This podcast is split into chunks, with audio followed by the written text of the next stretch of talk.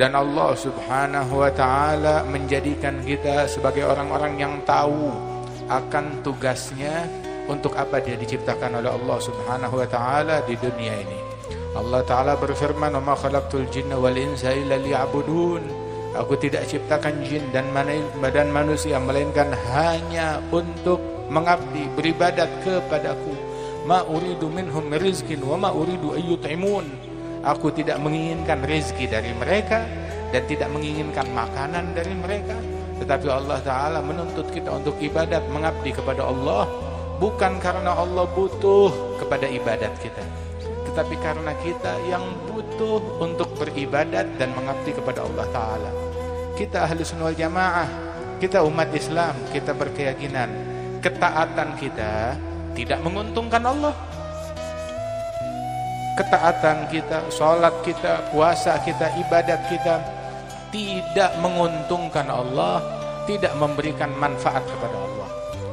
Tetapi memberikan manfaat kepada kita, balik kepada kita manfaatnya.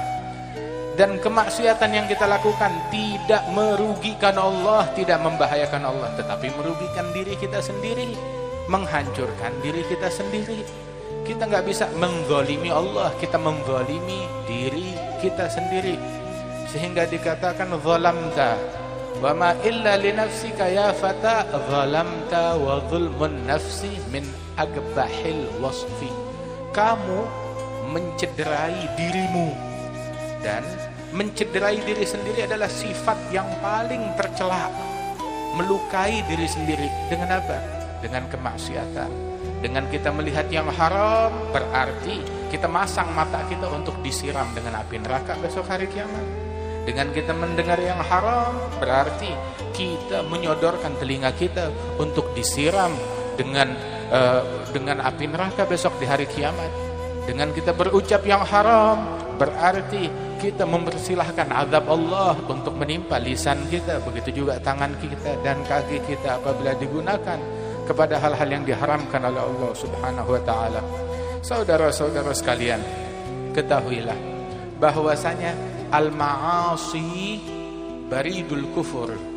Kemaksiatan, kemaksiatan itu adalah utusan dari kekafiran. Adalah telegram dari kekafiran zaman dulu tuh. Kalau ada orang mau datang dia kirim telegram dulu, saya mau datang sebentar lagi. Nah, begitu juga kekufuran. Sifat kekufuran itu sebelum dia datang, dia kirim dia kirim berita, dia kirim kabar Kabarnya adalah dengan munculnya kemaksiatan yang dilakukan hamba. Seseorang kalau dia sudah terbiasa dengan dosa kecil, eh, bakal terus-menerus melakukannya dan kelak bakal melakukan dosa besar. Dan dia akan terbiasa dengan dosa besar hingga dia akan ditimpa dengan kekufuran. Wal billah min. Idza adznaba al-'abdu dzamban nukitat fi qalbihi nuqtat sauda. Seorang hamba kalau dia melakukan sebuah dosa dan dia tidak bertaubat, maka muncul titik hitam di dalam hatinya. Kalau dia nggak taubat, titik itu bertambah, bertambah, bertambah hingga meliput semua hati. Nah itu yang disebut ron, uh, hijab di dalam hati manusia yang difirmankan oleh Allah Taala, kalla bal rana ala gulubihim ma kanu yaksibun. Diliput hati mereka dengan hijab tersebut.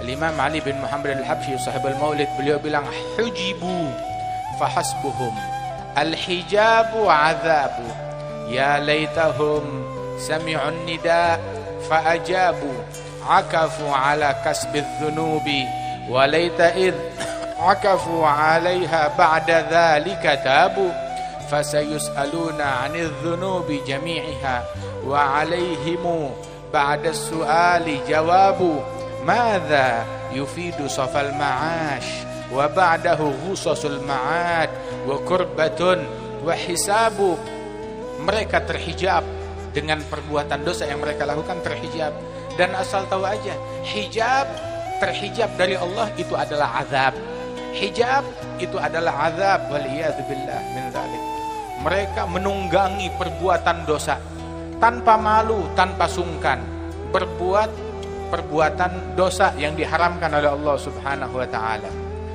Dan kelak mereka bakal dipertanggungjawabkan, bakal ditanya oleh Allah Subhanahu wa taala akan dosa yang mereka lakukan. Sebab kalau di situ ada pertanyaan, maka harus ada jawaban. Allah bakal bertanya kepada hamba dan hamba akan menjawab kepada Allah eh, hamba akan menjawab kepada Allah taala jawaban apa yang akan kita sampaikan kepada Allah Subhanahu wa taala. Mada yufidu safal ma'ash? Kenikmatan hidup di duniawi apa enaknya kalau berujung dengan bencana, dengan siksa, dengan murka Allah besok di hari kiamat. Waliyadzubillah min dzalik. Saudara-saudara sekalian, idza mata mru'un faqad gamat qiyamatu. Seseorang kalau dia meninggal dunia, maka telah datang kiamatnya dia. Kiamat seseorang datangnya kapan? Kiamatnya dia. Begitu dia meninggal, halas. Buat dia itu adalah kiamat kiamat sughra, kiamat kecil, kiamat yang besar nanti. Hari kiamat semuanya beramai-ramai. Gak ada satupun dari kita yang bisa absen dari padang kiamat tersebut. Semuanya kita akan hadir.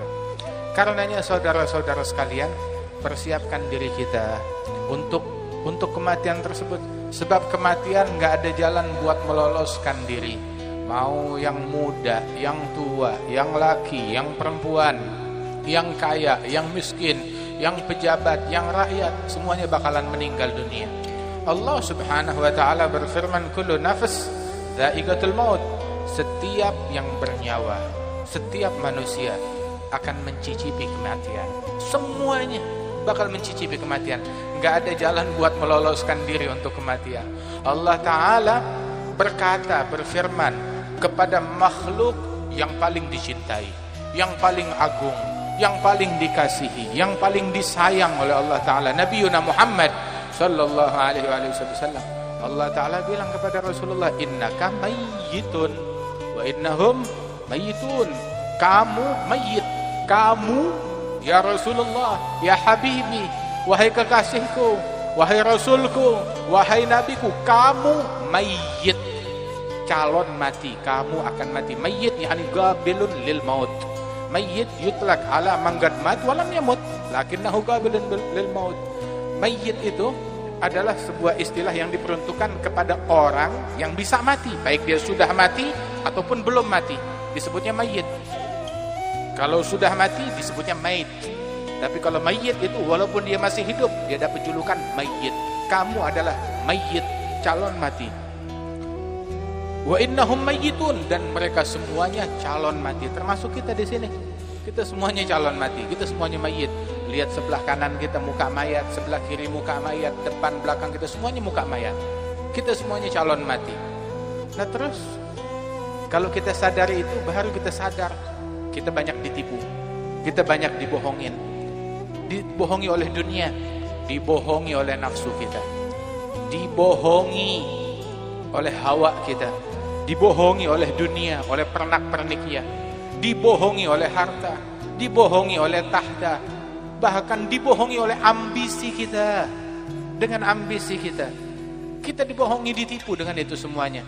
Allah Ta'ala berfirman, Innaka mayyitun wa innahum mayyitun. Allah Subhanahu wa taala pun juga berfirman di dalam Al-Qur'an, "Kullu nafsin dha'iqatul maut wa innama tuwaffawna ujurakum yaumal qiyamah." Masing-masing bakal diganjar besok akan apa yang dia lakukan, diganjarnya hari kiamat. Enggak ada yang luput dari catatannya Allah, dari hitungannya Allah taala. Kita pernah berkata satu ucapan, satu perkataan, ada catatannya, ada datanya. Kita lupa, Allah taala ingat. Semuanya terdata. Ya'mal mithqala dzarratin khairan yarah wa may ya'mal mithqala dzarratin syarran yarah. Yang bikin satu titik kebaikan dia bakal lihat yang membuat satu titik kejahatan ada semuanya terdata ada balasannya mali hadzal kitab la yughadiru wala kabiratan illa ahsaha wa wajadu ma amilu hadira wala yadhlimu rabbuka ahada. Itu sehingga ketika dibagi-bagikan itu kitab catatan amal manusia. Wa kullu insanin alzamnahu ta'irahu fi unuqihi wa nukhrijahu wa nukhrija lahu yawmal qiyamati kitaban yalqahu mansyura ikra kitabak. Kafa bi nafsika al-yawma 'alaika hasiba dilihat catatan amalnya semuanya terdata Yang besar, yang kecil semuanya terdata. Itu ulama Ibn Abbas beliau mengatakan yang kecil senyuman. Yang besar gah-gah tertawa dengan suara itu juga ada catatannya. Bakal ditanya kenapa kamu ketawa, kenapa kamu terus senyum, kenapa kamu menoleh, kenapa kamu melirik. Semuanya bakal ter, bakal ditanya, diinterogasi oleh Allah. Sebagaimana tadi dikatakan, wa alaihimu ba'da su'ali jawabu. Ada pertanyaan, harus ada jawaban. Kita udah siapkan belum jawaban kita untuk Allah Subhanahu wa taala? Kita mau berbohong, kita mau berdusta, maka Allah taala tutup mulut kita. Kita mau ingkar, mulut kita ditutup. Anggota tubuh yang kita pakai untuk maksiat itu yang bakal menjadi saksi kita besok di hari kiamat. Al-yawma nakhtimu ala afwahihim wa tukallimuna aydihim wa tashhadu arjuluhum bima kanu yaksibun. Ini hari mulutnya kita stempel, kita tutup. Yang mau ingkar dengan apa yang dulu dia lakukan, ditutup tuh mulut. Tangan yang bicara, kaki yang bicara, kulit yang berbicara. Galu lijuludihim lima syahidtum alaina berkata itu manusia kepada kulitnya kenapa kamu menjadi saksi memberikan kesaksian yang bakal memberatkan kita menjurumuskan kita semua di neraka maka kulit itu berkata antaganallahu alladhi antaga kulla syai. Yang bikin kita ngomong Allah yang mampu membuat bicara segala sesuatu. Allah mampu membuat ini daging yang dalam mulut kita nih ya, lidah mampu berbicara. Allah Ta'ala mengizinkan lidah berbicara. Dia berbicara. Sebagaimana Allah maha mampu membuat daging yang dalam mulut ini lidah berbicara Allah mampu membuat tangan berbicara Allah mampu membuat kaki berbicara Allah mampu membuat kulit dan seluruh anggota tubuh manusia berbicara dengan izin dari Allah Jalla Jalaluhu Ta'ala Ta'zamatuh. Kita banyak mikirin yang lain. Eh, tapi yang ini kita nggak pikirin. Yang ini nggak kita pikirin. Kapan kita merenung? Ini tangan saya udah maksiat apa aja yang udah dilakukan oleh tangan saya. Tangan saya udah menyelam yang bukan muhrim udah berapa banyak. Nah, mata saya ngelihat yang haram udah berapa banyak. Kita nggak mikir itu, kita mikirin mikirin ini, mikirin berita, mikirin ini naik, ini turun, harga naik, harga turun, pemimpin naik, pemimpin turun, jenderal naik, jenderal turun. Semuanya dipikirin kecuali akhirat. Kecuali dosa kita. Kecuali kematian kita. Kecuali nasib kita di lubang kubur di malam pertama kelak seperti apa. Itu yang absen dari pikiran kita. Semua hal duniawi kita pikirkan, tapi akhirat kita lalaikan. Itu Allah Subhanahu wa taala memberikan standar kacamata pola pikir mizan. Mizan adalah tolak ukur sebuah pemikiran sesuai kacamata Islami yang diajarkan oleh Allah Subhanahu wa taala. Allah taala kita banyak menyangka ini beruntung, ini sial, ini uh, sukses, ini gagal, ini menang, ini kalah, ini berhasil, ini tidak berhasil. Apa sih yang disebut berhasil? Apa yang disebut beruntung? Apa yang disebut sukses?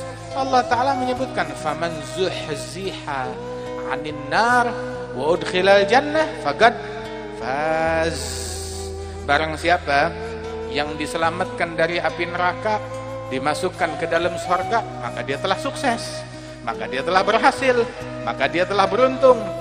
Apa pun usaha yang kita lakukan, mau itu harta, ataupun rumah oh rumah yang kita bangun pesantren yang kita punya majelis yang kita bina murid yang kita didik harta yang kita miliki uang yang kita kumpulkan investasi yang kita tanamkan itu bawa untung atau bawa sial? Kita lihat kalau seandainya itu semua membuat kita jauh dari neraka membuat kita masuk dalam surga itu bawa untung fagad faz tapi kalau gara-gara harta, tahta, popularitas, kita malah kejeblos dalam api neraka. Membuat kita jauh dari surganya Allah Ta'ala, maka bawa sial. Tahta, jabatan yang membuat kita terjeblos dalam api neraka. Gagal masuk surga itu kegagalan yang hakiki. Maka itu adalah tahta yang bawa sial Harta yang bawa sial Anak yang bawa sial Istri yang bawa sial Keluarga yang bawa sial popularitas yang bawa sial, pengikut yang bawa sial. Wal hatta majlis, hatta majlis, hatta majlis. Membuat kita menjadi gagal masuk surga. terjeblos dalam neraka. Bawa sial. Waliyadzubillah min dzalik majelis kayak gini nggak diadakan melainkan dengan niat salihah yakni mengevakuasi manusia sebanyak-banyaknya dari api neraka memasukkan orang sebanyak-banyaknya ke dalam surganya Allah Subhanahu wa taala itu yang bawa keuntungan kalau seandainya ini semua yang kita lakukan membuat kita meraih ridhonya Allah Subhanahu wa taala, membuat kita dapat tempat di dalam hatinya Rasulullah. Wallah ada keberuntungan yang hakiki. Kalau tidak maka itu adalah kegagalan. Waliyadzubillah min dzalik. Wa mal hayatud dunya illa mata'ul. Terus apa yang diributin orang? Apa yang digembar-gemborkan orang? Apa yang membuat manusia menjadi heboh? Membuat manusia jadi gaduh, membuat manusia jadi rusuh. Apa? Mata'ul ghurur. Pernak-pernik yang bikin orang yang menipu manusia. Menipu manusia dari Allah, menipu manusia dari khusyuk, menipu manusia dari kelezatan sujud, menipu manusia dari kelezatan jauhil lail. Itu para wali-wali terdahulu mereka mengatakan, "Lau ya'lamu al-umara eh, ma wajadna fi jawfil lail minan ni'am wal ladzah lajaladuna 'alaiha." Kalau seandainya para raja-raja mengetahui kelezatan yang kita rasakan saat kita tahajud, maka mereka akan menyiksa kita untuk merebut ini nikmat yang kita punya. Kalau bisa, cuma nggak bisa. Tidak bisa. Min ladzatin la tukayyaf wa la tusawwar bil afham gadzagaha man anaha wa ham fiha alladhi ham faza wa taba al mukhiffun wa nahnu arbab al athab nabni wa nahdim binana wa muntaha amri nahdam بالسوف والسوف تسويف تمضي الليالي والأيام أيامنا قد تقضت على تماني والأوهام وكل آت قريب والعافية بعدها سقام itu disebutkan bahwasanya dalam qiyamul lail dalam tahajud kelezatan yang gak bisa diungkapkan dengan akal manusia kenikmatan yang gak bisa diungkapkan oleh akal manusia demikian indah, demikian nikmat. Itu Sayyidina Junaid bilang, saya merasakan pahitnya Qiyamul Lail 20 tahun. Setelah 20 tahun, baru saya merasakan kelezatannya selama 20 tahun hingga saat ini, kata beliau. Setelah perjuangan, mujahadah, mengekang hawa nafsunya. Sehingga orang-orang tersebut, Al-Imam Al-Hasanul Basri bilang, saya ketemu dengan generasi di atas saya itu kalau malam baca satu ayat Al-Quran dalam sholat mereka dalam tahajud diulang-ulang sampai subuh. Diulang-ulang itu ayat sampai subuh diulang-ulang. Begitu paginya kelihatan matanya bengkak banyak nangis. Semalam tahajud baca satu ayat sampai besokan harinya kelihatan bekas tahajud baca satu ayat. Tapi saya ketemu generasi sekarang malam dia baca Al-Quran sebanyak-banyaknya pagi nggak kelihatan bekasnya. Nipu lagi, bohong lagi, mencaci maki lagi, keluar kata-kata kotor. Nggak ada bekasnya Al-Quran yang dia baca. Syukur kalau masih dibaca, boro-boro kagak dibaca. Lebih sibuk sama koran daripada Quran. Lebih perhatian dengan koron daripada Quran. Waliyadzubillah. Nah saudara-saudara sekalian, jangan sampai nih kehidupan duniawi membuat kita tertipu lalai lalai dari tugas kita yang semestinya kepada Allah Jalla Jalaluhu wa Ta'ala ta'zamatuh. Itu Rasulullah sallallahu alaihi wasallam itu beliau bilang aktiru min dzikri hadhimil ladzat perbanyak mengingat kematian. Beliau juga bilang bahwasanya fa innahu la yuzkaru fi galilin illa katsarah wa la yuzkaru fi katsirin illa gallalah. Tidaklah kematian diingat, banyak diingat dalam sesuatu yang sedikit melainkan menjadi banyak. Hah? Dalam amal ibadat yang sedikit, kalau kita ingat kematian, tuh amal ibadat jadi terpacu untuk diperbanyak. Dan tidaklah kematian diingat dalam cinta duniawi yang banyak, cinta tahta, cinta harta, ambisi yang banyak, cita-cita yang banyak. Kalau dibanyak ingat kematian, melainkan menjadi sedikit, menjadi berkurang. Rasulullah bilang di dalam hadis minasyaka arba'ah. Tanda sial itu ada empat Orang punya satu sial, apalagi punya empat-empatnya. Siapa gerangan yang selamat dari empat-empatnya? Siapa yang selamat dari satu aja sedikit banget? Barang langka, manusia langka. Empat tanda kesialan. Satu aja sial apalagi empat-empatnya. Apa? Al-hiris. Rakus akan harta, rakus akan tahta. Al-hiris. Rakus tamak, rakus akan harta, rakus akan tahta. Hadal hiris. Wajumudul ain, mata yang kering, mata yang nggak kenal tangisan untuk Allah, nggak kenal tangisan kalau zikir, nggak kenal tangisan kalau tahajud, nggak mengenal tangisan apabila qiyamul lail, apabila baca Al-Qur'an, nggak kenal tangisan untuk sujud. Kita udah berapa lama mata kita nggak menangis tatkala kita sujud? Udah berapa lama kapan terakhir kita menangis saat membaca Al-Qur'an? Kapan terakhir kita menangis tatkala ingat malam pertama di kuburan? Mungkin nggak terlintas dalam benak kita yang demikian La ilaha illallah. Jumudul ain, mata yang kering eh, yang nggak kenal tangisan untuk Allah, nggak kenal tangisan untuk akhirat. Tahu nggak kenapa sekarang banyak musibah? Kenapa sekarang banyak bala? Kenapa sekarang banyak bencana? Padahal penceramah kita banyak, pendakwah kita banyak, ulama banyak, begitu. Tahu apa? Kita kekurangan orang yang pandai menangis untuk Allah. Dulu ulama kita ahli nangis, walaupun nggak bisa pidato. Ahli nangis. Kerjaannya tiap malam nangis.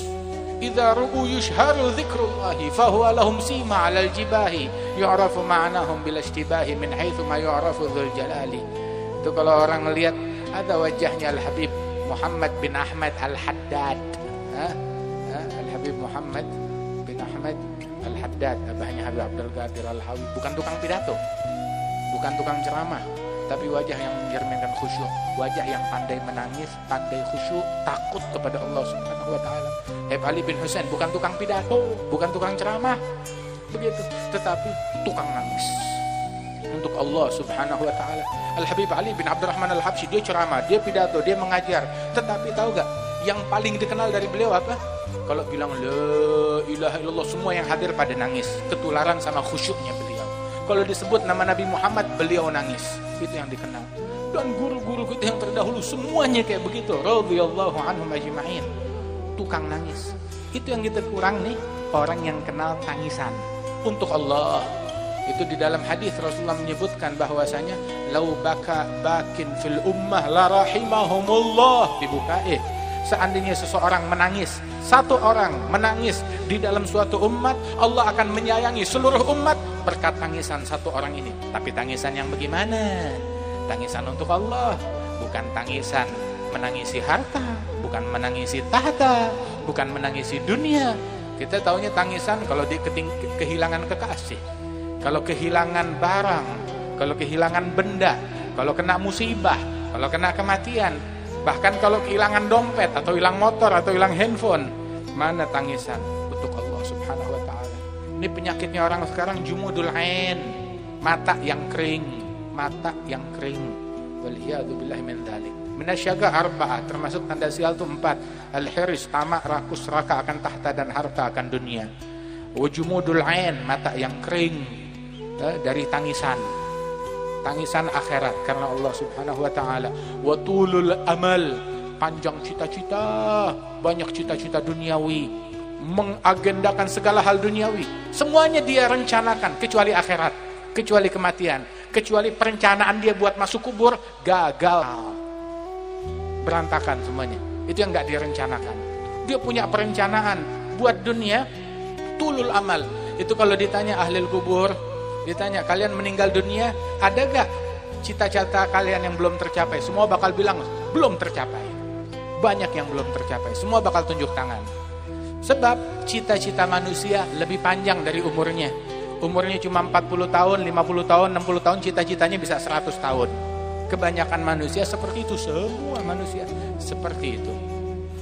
Hakada tulul amal, panjang cita-cita, tanpa dikontrol dengan bawabit bawabit al-adab wasyara' wasuluk itu yang membuat cita-cita menjadi liar membuat orang kalap gelap mata hingga menunggangi hal yang diharamkan oleh Allah Subhanahu wa taala. Wal billah min tulul amal panjang cita-cita itu tanda sial.